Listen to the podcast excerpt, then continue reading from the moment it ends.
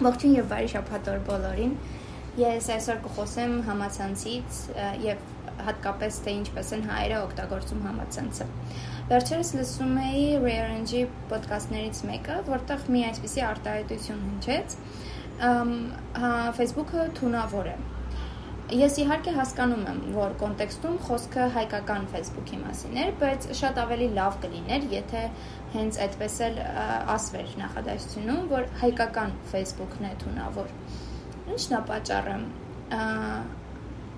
Հայերը համացանցից սկսեցին օգտվել, երբ առաջացան սոցիալական հարթակները։ Մինչև Adnaklassnik-ին Հայաստանում համացանցի օգտագործումը այդքան տարածված չէր, չկային հասանելի ինտերնետ պրովայդերներ, որպեսզի յուրաքանչյուրը կարողանար իրեն թույլ տալ համացանց ունենալ տանը, հասանելիություն ունենալ տանը, եւ միայն ատնակլասնիկին պատճառ դարձավ, որպեսզի հայերը օգտվեն համացանցից եւ հասկանան թե ինչա դա։ Հետագայում դրան փոխարինելու եկավ ինչ որ Mail.ru եւ այլ ծանոթությունների չաթեր ու հետո Հայաստանում շատ տարածվեց Facebook-ը, շատ արագ ու թողեց անդառնալի հետևանքներ։ Կարող ենք այդպես ասել։ Ամ մի քանի օր առաջ խոսում էի իմ ընկերուհի հետ, ով ապրում է Մալթայում։ Իրենց համար Facebook-ը ոչ թե ամենօրյա կյանքի մի մասը, այլ ուղղակի ինչ որ գործիք, որի միջոցով կարողանում են ինչ որ համերգի համար տոմսեր գնել, ինչ որ բան պատվիրել, ինչ որ բան վաճառել կարողանում են նույնիսկ տներ գտնել վարձակալության համար։ Այլ կերպ ասած, իրենք օգտագործում են միայն Facebook-ի marketplace-ը, իսկ եթե ինչ որ մեկն էլ ինչ որ նկարներ ա վերբեռնում կյանքից ինչ որ բան ա պատմում, այնտեղ տեսնենք մենակ դրական մեկնաբանություններ hate speech ասվածը Մալտայում չկա Facebook-ում։ Մյուս երկրների օրինակների մասին այսպես ոչ մի տեղեկություն չունեմ, չգիտեմ ինչ կարող եմ ասել։ Բայց եթե նայենք հայկական Facebook-ին, հայկական Facebook-ում կա միայն բացասական, կա 100% քաղաքական թեմաներ, քաղաքականություն ու ես չեմ կարծում, որ այդ ամեն ինչի մեղավորը մենակ հասարակ ժողովուրդն է, հասարակ Facebook-ի օգտատերը։ Բանն այն է, որ մեր քաղաքական գործիչները յուրաքանչյուր կարևոր թեմա, որը որ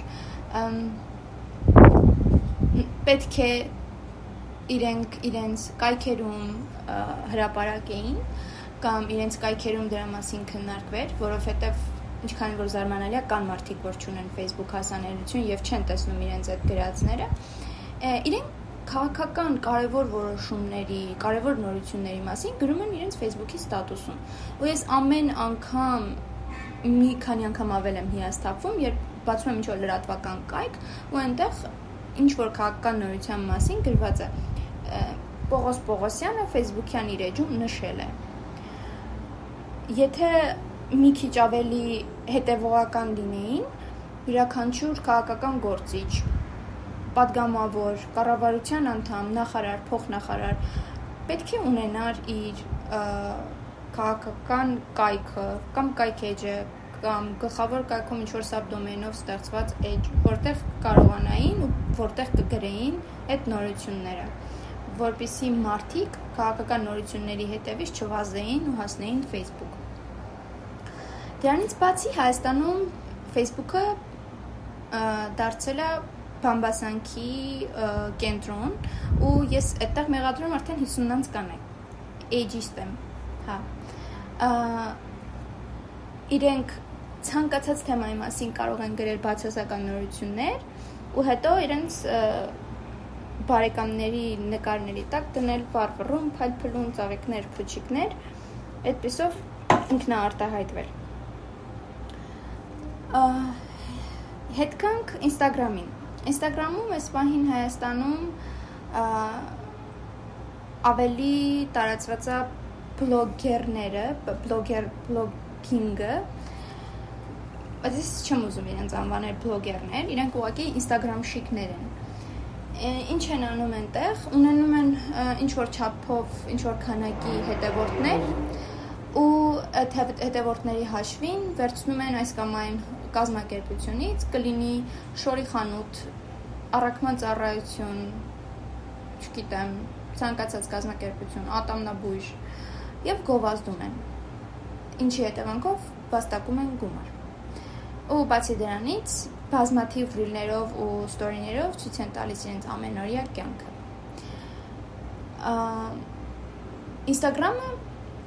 այդքան վատ վիճակում չի Հայաստանում, եթե համատում ենք դրսի շուկայի հետ։ Ամ շատ ավելի վատ վիճակում է TikTok-ը, որը հայ, հայկական TikTok-ը դարձել է աղբանոց։ Եթե նայենք արտասահմանյան TikToker-ներին, որոնք կրթադասերակցական ինչ-որ նյութեր են դնում կարճ, սովորեցնում են ամեն ինչ մաթեմատիկայից մինչև դիեզեր, խոսում են ամեն ինչից, հայկական TikTok-ում միայն հայհոյանքներ են, միայն թմրամնյութերի վաճառք ու երբեք չեմ եղել այս ամեն ինչի մասին ես գիտեմ այլ հաղորդումներ նայելուց կամ այլ TikTok օգտատերերի հետ քննարկումներից այս ամեն ինչի հիմնային պատճառը մեկն է, որ Հայաստանում համացանց ասելով հասկանում են սոցիալական կայք։ Համացանցը սկզբանե չի ստեղծվել սոցիալական կայքերի համար։ Համացանցը ստեղծվել է իհարկե մարդկանց իրար հետ մտերմացնելու, մարդկանց հերավորությունները կրճատելու, բայց նաև խելամիտ երկար գրառումներ անելու, դրանց մեկնաբանություններում թեմաներ քննարկելու ու մի քիչ ավելի դրական է այնտեղ տարածելու համար։ Համացանցը սկզբանե ստեղծվել էր կատուների նկարներ ու վիդեոներ տարածելու համար եւ ոչ թե ամեն ինչի համար։ Վերջերս ուսումնասիրում գերմանական բլոգերների ինձ հարկավոր էր ուսումնասիրել մոտավորապես 5-6 թեմա եւ գտնել որքան հնարավոր է շատ ու ակտիվ բլոգերների։ Ու ես չեմ կարող նկարագրեմ իմ զարմանքը, երբ 100-ից ավել բլոգերներ գտա ամեն մի թեմայով։ Կլիներ food blogger, կլիներ beauty blogger, կլիներ DIY blogger։ Իրանք ունեն շատ սիրուն աշխատած կայքեր։ Ունեն մեկնաբանության բաժին, որոնք միշտ ակտիվ են բլոգում են տարիներ շարունակ ու հեչ նոր սերնդից չեն մարդ կար որ 2008-6 թվականից բլոգում էր ու պարտադիր չի որ իրանք ունենան իրեն, իրենց առանձին, չգիտեմ, դոմեյնը, կարողանան հասկանալ թե ոնց է հնարավոր դոմեյն գնել, գրանցել եւ այլն։ Շատերը նույնիսկ այդ ամեն ինչը անում են blogspot-ով եւ որ մի քանի քլիքով կարող ես ստեղծել քո սեփական հարթակը։ Կամ անում են WordPress-ով, որը նույնպես շատ ավելի հեշտ է։ Մեծամասամբ անվճար։ Ու եթե նույնիսկ իրենք ունեն Instagram-յան account, իրենց առաջ իրենց Instagram-ը այդքան ակտիվ չի, Instagram-ը միայն գործիք է ծառայում, որպեսզի մարդիկ իմանան իրենց կայքի մասին, իրենց բլոգի մասին, ու այնտեղ bio բաժնում իրենք դնում են իրենց կայքը, որպեսզի մարդիկ կարողանան այնտեղից գնալ կայք ու կարդալ իրենց բլոգները։ Այնքան տարածված է բլոգինգը Գերմանիայում, որ մարդիկ ունեն նաև բլոգերների մրցույթներ, award-ներ, ամեն տարի որոշվում է թե ով է եղել լավագույն ֆուդ բլոգերը, ով է եղել լավագույն բյութի բլոգերը եւ այլն,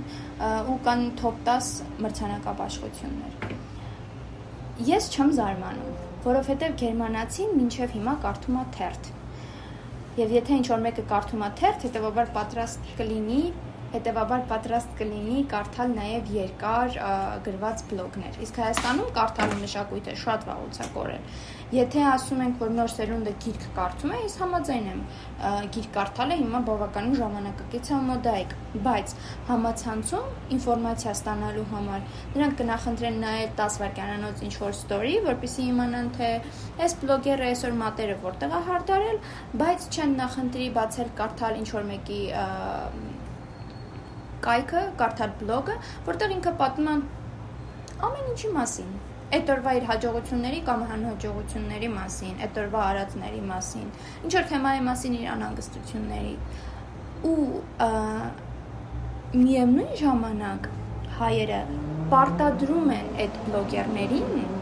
որպիսի խոսեն հենց այն թեմայի մասին, որի մասին որ իրենք ուզում են։ Հենց քիչ առաջ ես մի վարքյանով մտա Instagram որը բացարձակ չեմ օգտագործում app-ով, այլ օգտագործում եմ web-ով, app-ը բավական վտանգավոր է ձեր ազատության եւ privacy համար, որովհետեւ շատ լավ հետևում է app-ը քեզ, շատ լավ լսում է դու ինչի մասին ես խոսում, որpիսի քեզ առաջարկի հենց այն գովազները, որ քեզ այդ պահին կհետաքրքրեն ու այնտեղ բլոգերներից մեկը, որը իրոք արժանի է, որ իրեն հետևեն, որովհետև խոսքը Զարայի մասին է,